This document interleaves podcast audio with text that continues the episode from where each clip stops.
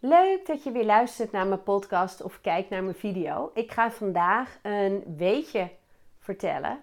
Het is de meest gestelde vraag die ik krijg. Hoe komt het dat mijn stem zo irritant klinkt als ik mezelf terughoor? Ik ga uitleggen hoe dat komt en hoe je eraan kan wennen. Het is zo, als ik nu aan het praten ben, dat mijn stem een soort van driedimensionaal klinkt, zou je kunnen zeggen. Dus ik praat en er komt geluid, een trilling uit mijn mond en die bereikt mijn oor. Dus ik hoor mezelf via mijn oor en via de lucht en dat noemen we luchtgeleiding. Nou hoor ik mezelf ook van binnen.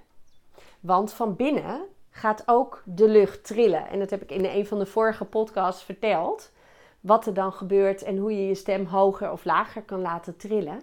Dus die, um, die trilling in mijn borstkas of in mijn oogkassen of in mijn uh, mondholte, die trilling is botgeleiding.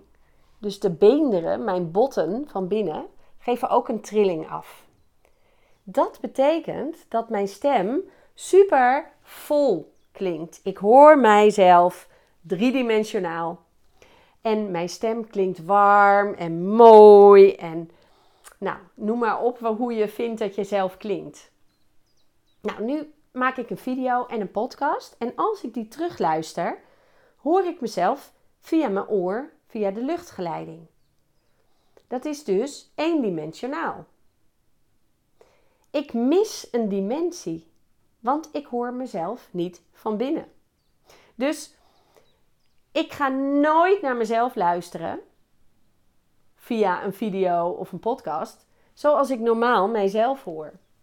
En dat is precies de reden dat je jezelf altijd raar vindt. En als iemand anders, hè, daar vraag je dan aan: Oh, wat klink ik vreselijk, zo klink ik toch niet echt? En die zegt dan: Ja, zo klink je wel echt.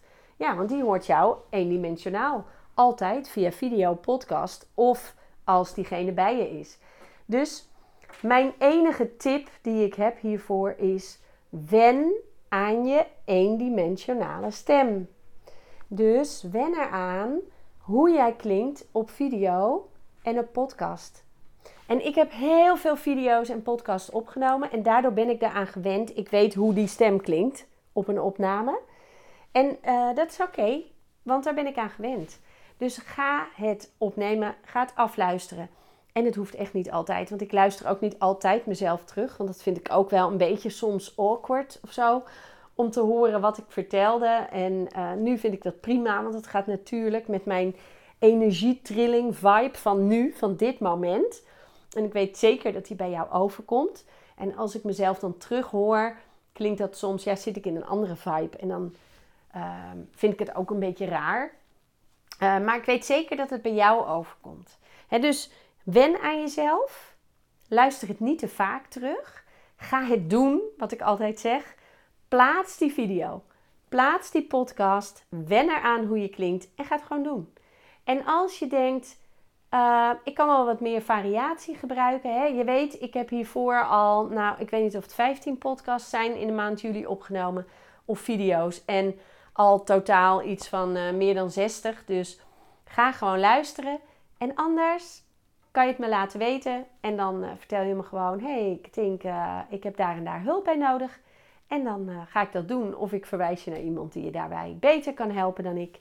Ligt eraan waar het over gaat. Maar voel je vrij. En ehm, luister gewoon lekker af en toe naar jezelf. En doe het. Ga het doen. Tot de volgende keer.